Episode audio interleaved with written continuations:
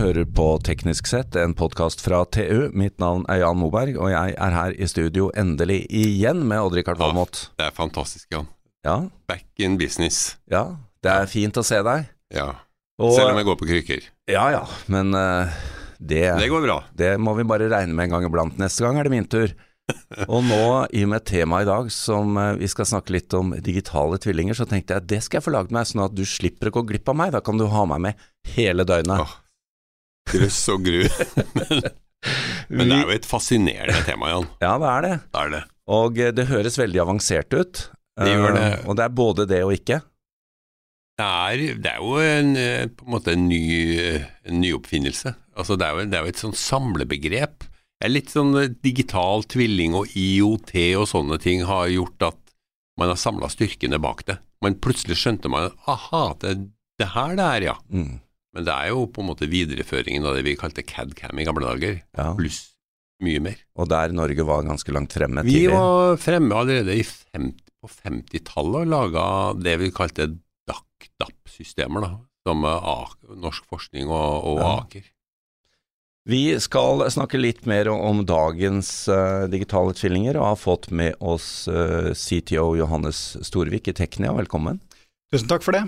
Vi møttes jo på Kongsberg, Det gjorde vi. og da ble vi enige om, etter å ha vært oppe der på Teknologibyen, at vi måtte snakkes. Mm. Men eh, Johannes, vi må spørre deg din definisjon av digital tvilling. Ja, det, det finnes jo mange definisjoner av digital tvilling, og det er mange som snakker varmt om det for tida. Eh, mitt inntrykk er vel at mange som jobber med digital tvilling, jobb, lager en tvilling av et produkt, eller eh, en bro f.eks., som allerede finnes. Vi er mer opptatt av å lage tvillinger av ting som ennå ikke finnes. Ja. Produkter som man er i ferd med å utvikle, og som etter hvert skal produseres. ja, for da må du ta to ord om, om selskapet du jobber for, hva dere holder på med. Ja, så jeg jobber i et uh, selskap som heter Teknia, og vi uh, er delvis dels forhandler av løsninger for å håndtere digitale tvillinger. Uh, vi lager egen programvare i tillegg, og vi leverer tjenester for å hjelpe våre kunder å lykkes med en vellykka overgang til eller digitalisering av utviklingsprosessen. Det vi har inntrykk av eh, at vi har hørt mest av, eh, Odd Rikard, er jo sånn dokumentasjon i etterkant av en stor plattform i Nordsjøen f.eks. som skal digitaliseres, et skip som da skal bli en digital tvilling. Det du er inne på, Johannes, er at dette her er en del av skapelsen i stedet.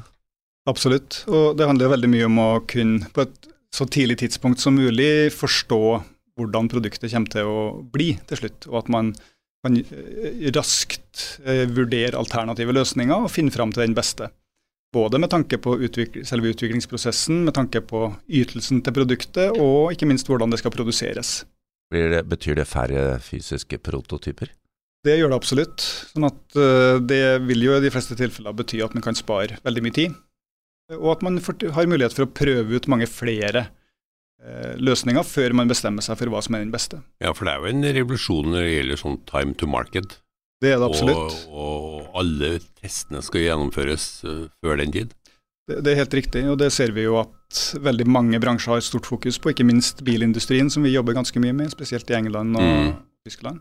Og også et fundament for det vi kaller Industri 4.0. Absolutt. Sånn at Industri 4.0 handler veldig mye om digitalisering av produksjonsprosessen. Eh, fra vårt perspektiv så handler det òg like mye om digitalisering av produktutviklingsprosessen. Mm.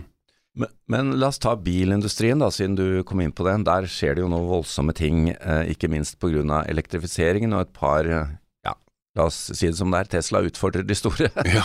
ikke bare på elektrifisering, men også på type produksjon og jeg tenker på denne gigastøpen, Odd Rikard, hvor de i stedet for å støpe ramma i mange deler, prøver å støpe den i færrest mulig ja, ja. deler. Nå kommer. Volvo etter. Altså, er, er det en industri som, eh, som har ligget for langt bakpå, ikke tatt i bruk de nye tingene tidlig nok? De har vært hatt ganske små skritt, i hvert fall. Det har jo alltid vært drevet av, av, forbedring. De har vært veldig bra på å skalere opp de, og, og gjøre ting effektivt, kutte kostnader.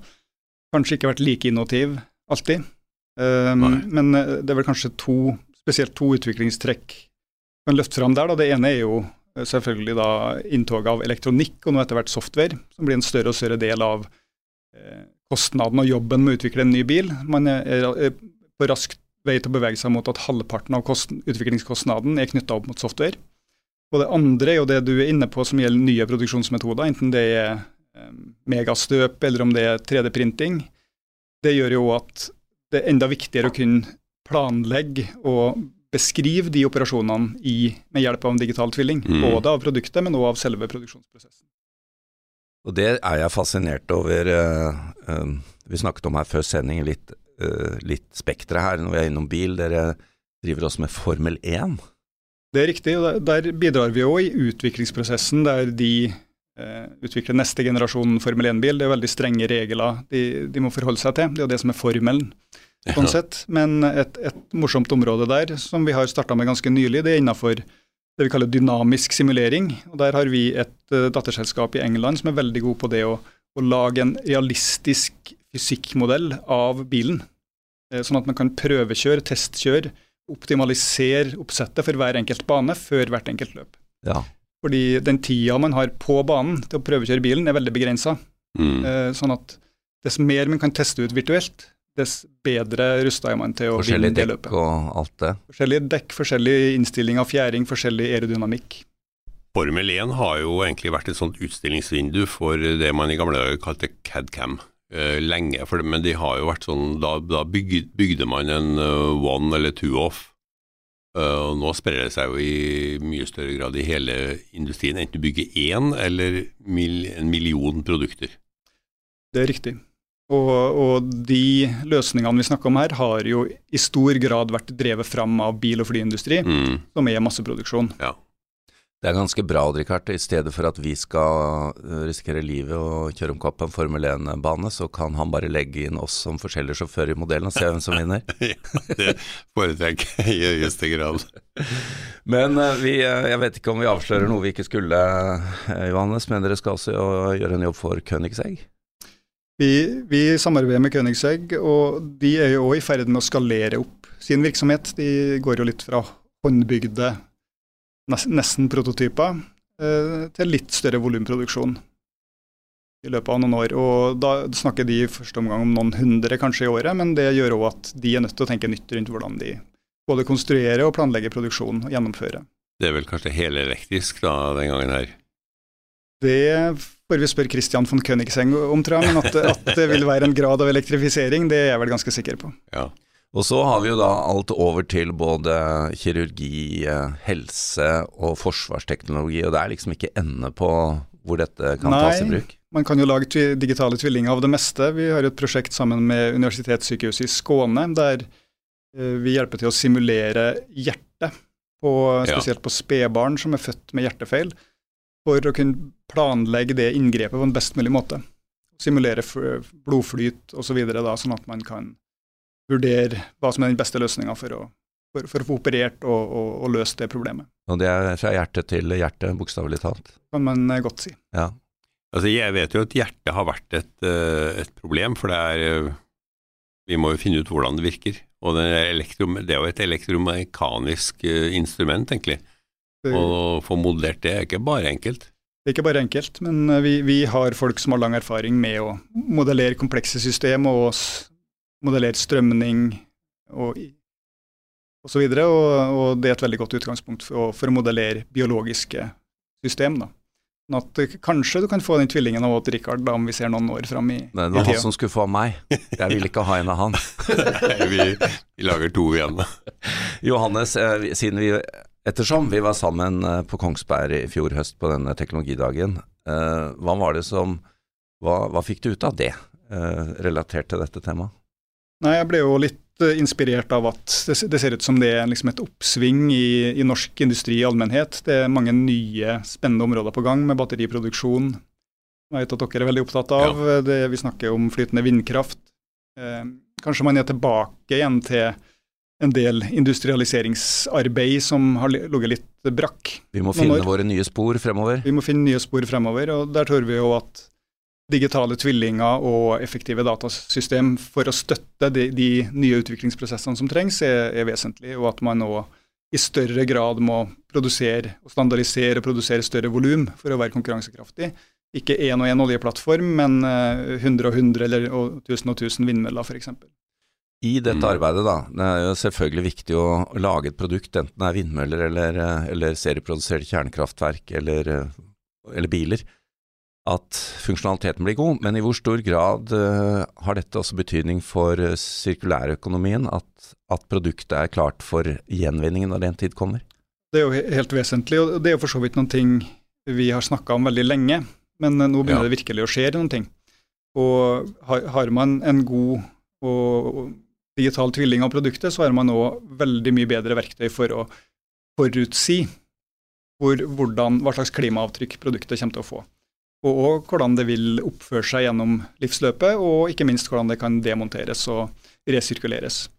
At man vet hva man putter inn, og bygger produktet på en sånn måte at det er reparerbart, at det kan demonteres på en enkel måte, og at de ulike materialene kan separeres. Vi må også stille spørsmålet, for at dette vet jeg og Richard er veldig opptatt av. Du nevnte at du på 90-tallet hadde hatt en 133 MHz Pentium-PC. Ja, det er riktig. Ja, Den kosta, 100 000. Ja, Det var sånn Odd Rikard ønsket seg den gangen, men, men Det, for, ikke, det ble for dyrt. Det ble for du ville ikke kommet eh, langt med den i dag. Den, eh, den ble ganske, ganske raskt utdatert da. Men hvor stor betydning har datakraften og lagrings... eh, Altså skyen da hatt på, på den utviklingen? Ja, det, det som var fokus den gangen, var jo eh, regnekraft og grafikkytelse på klienten. Det er jo Ja. for så vidt fortsatt viktig, men nå får du jo det bra nok på en iPad eller eh, telefon. Fordi du henter den annensteds fra? Absolutt. Mm. Sånn at den digitale tvillingen vi snakker om, den ligger jo stort sett i skya.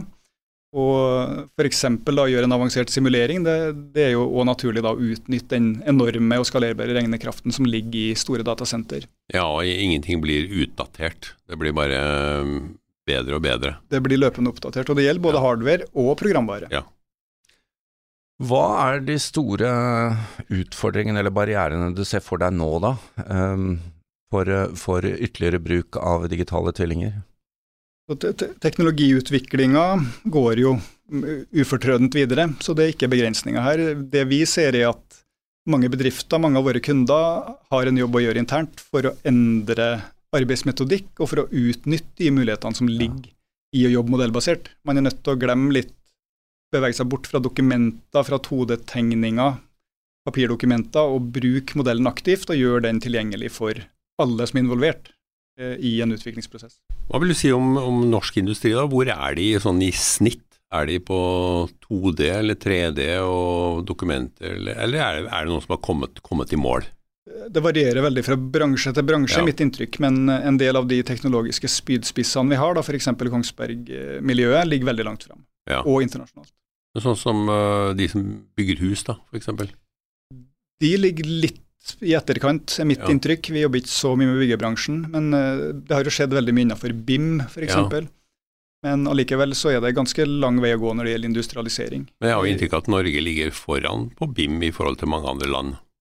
Gjør nok det. Avansert bruk av, av BIM, absolutt. Ja, også, og Det er jo spesielt viktig når vi skal snakke om gjenbruk av gamle hus ikke sant, i fremtida. Absolutt. Og, og det er jo det samme der som i den industrien vi jobber med, at man har multidisiplin. Du har elektroinstallasjon, du har ventilasjon, og alt det her skal passe sammen og få plass i huset osv. Så videre, sånn at eh, gevinsten med bruk av BIM-løsninger er jo tilsvarende stor. Ja. Der jeg tror kanskje byggebransjen har mest å lære av, av industrien, det, gjelder, det er jo når det gjelder standardisering, produksjon, oppskalering. Mm. Og vi har jo sett noen forsøk på det, men det er vel ingen som har naila det helt eh, foreløpig. Vi jobber med en kunde i, i Finland som jobber med modular, modularisering av uh, leilighetshus. Ja. Sånn at det, det skjer ting, men eh, mitt inntrykk er at det går litt sakte. Men eh, det, du kommer litt inn på det. det. Det ytre har også verdi, spesielt på bygg og bil og sånn, hvordan ting ser ut og, og, og sånt. Og da er det jo fristende å bringe opp en av eh, våre helter, Odd Rikard. Kanskje ikke sånn i oppførsel, men i hvert fall i hva han har fått til. Steve Jobs, Ja. eller hva han fikk til. Ja. Som jo var tidlig inne i Pixar og lagde den første da CGI-animerte filmen eh, Toy Story. Ja. Hvilken betydning har, den, har det sporet hatt, filmindustrien, på Det er jo mye av de samme leverandørene av eh, i hvert fall eh, maskinvare og programvare. Ja, jeg, tror- jeg, jeg tror jo at det, kanskje spesielt spillindustrien, da, det har jo akselerert utviklinga av avansert grafikk. Ja. Sånn at Den Pentiumen jeg hadde på 90-tallet, der kosta grafikkortet 30 000. Det var ikke eh, rare ytelsen i det. det var Mm. vel det. Eh, Mens eh, de de, de grafikkortene som man får kjøpt i dag, som er ment for spillbruk, er jo helt, liksom helt i, i toppen. Du, du, får jo nesten ikke kjøpt noe raskere sjøl om du graver dypt i lommeboka. Mm. Nei, Det er det de bruker på, på biler òg, er det ikke det? Og til kryptomining ja. og alt mulig. Sånn at de, de grafikkprosessorene har jo Den utviklinga der har skjedd, skjedd, ekstremt raskt, sånn at man får vanvittig ytelse og regnekraft til en billig penge sammenligna med for noen få år siden. Og det har jo stor betydning for det vi driver på med. når du skal en, en, en, en, eh, komplisert eller en avansert digital tvilling, visualisere den, det krever mye regnekraft og grafikkraft. Vi vet også at du er opptatt av demokratisering i dette bildet. Det må du forklare. Ja, det jeg tenker på da er jo at Tradisjonelt så har jo mange av de verktøyene man har brukt for å, for å lage ulike typer av uh, digitale tvillinger, vært veldig disiplinspesifikk og veldig spesialistorientert. Uh, og Det betyr jo at det er kanskje bare et fåtall i bedriften som egentlig har glede av den digitale, den digitale tvillingen. Ja. Mens når vi snakker om demokratisering, så handler jo det mye om at man ved hjelp av da sky, skyteknologi, plattformteknologi, kan gjøre den tvillingen tilgjengelig for alle. Mm. At det er noe man bruker også, til og med i styrerommet, når man da skal vurdere ser den nye bilmodellen bra ut. Ja, da eh, skikkelig hologramteknologi eller, eller AR-teknologi, så kan dette virkelig bli tilgjengelig for oss alle. Ja. Når, når, bilen, når, når den første prototypen først står i utstillingslokalet, ja. da er det snart for seint å gjøre, gjøre, endringer. Det bør du fange opp tidligere. Avslutningsvis, eh, Johannes eh, og Richard, jeg er ikke i Metaverse ennå. Jeg vet ikke hva du har gjort uh, i de ukene du har vært borte, og Richard, har ikke gått Nei, inn der? Nei, jeg har ikke vært i Metaverse ennå, tror jeg. Og jeg er ikke sikker på om jeg kommer dit engang. Nei, men den, dette du holder på med, og, og digital tvilling, må jo være en del av hele pakka her? Ja, da, Hvis jeg har forstått det riktig, så, så handler vel det om at du òg skal ha en, en, digital tvilling av deg sjøl. Men eh, det jeg uansett er sikker på, er jo at de digitale tvillingene vi lager i dag, de vil passe veldig godt inn i et sånt ja. metaverse. Og når ting blir 3D blir viktigere, da, 3D-teknologi, det å visualisere og vise fram ting, og, og, at det har et kanskje like stor, eh, stort liv i, i, i det virtuelle rommet som, som i det virkelige etter hvert. Det kommer til å være lokkemiddelet for deg, Richard. I Metaverse kan du få både vind på land og kjernekraftverk hjemme. det høres veldig forlokkende ut, men det krever jo selvfølgelig at du har altså, briller på deg. Det gjør det. Og det, det, er kanskje en sånn barriere for mange. Vi så jo hvordan det gikk med 3D-TV, ikke sant. Og det å ha på seg en sånn kladas foran uh, på nesa, det er også en bar barriere. Ja. Men jeg, jeg, tror nok at det er en barriere som kan overvinnes, men uh, det, det krever bare at teknologien blir god nok. Ja. Johannes, det høres spennende ut. Du får komme tilbake når vi, du har overvunnet et par barrierer til. Dette var veldig spennende å høre om. Takk til deg, eh, CTO i Teknia. Takk til Odd Rikard Valmot, vår produsent Sebastian Hagmo, og mitt navn er Jan Moberg.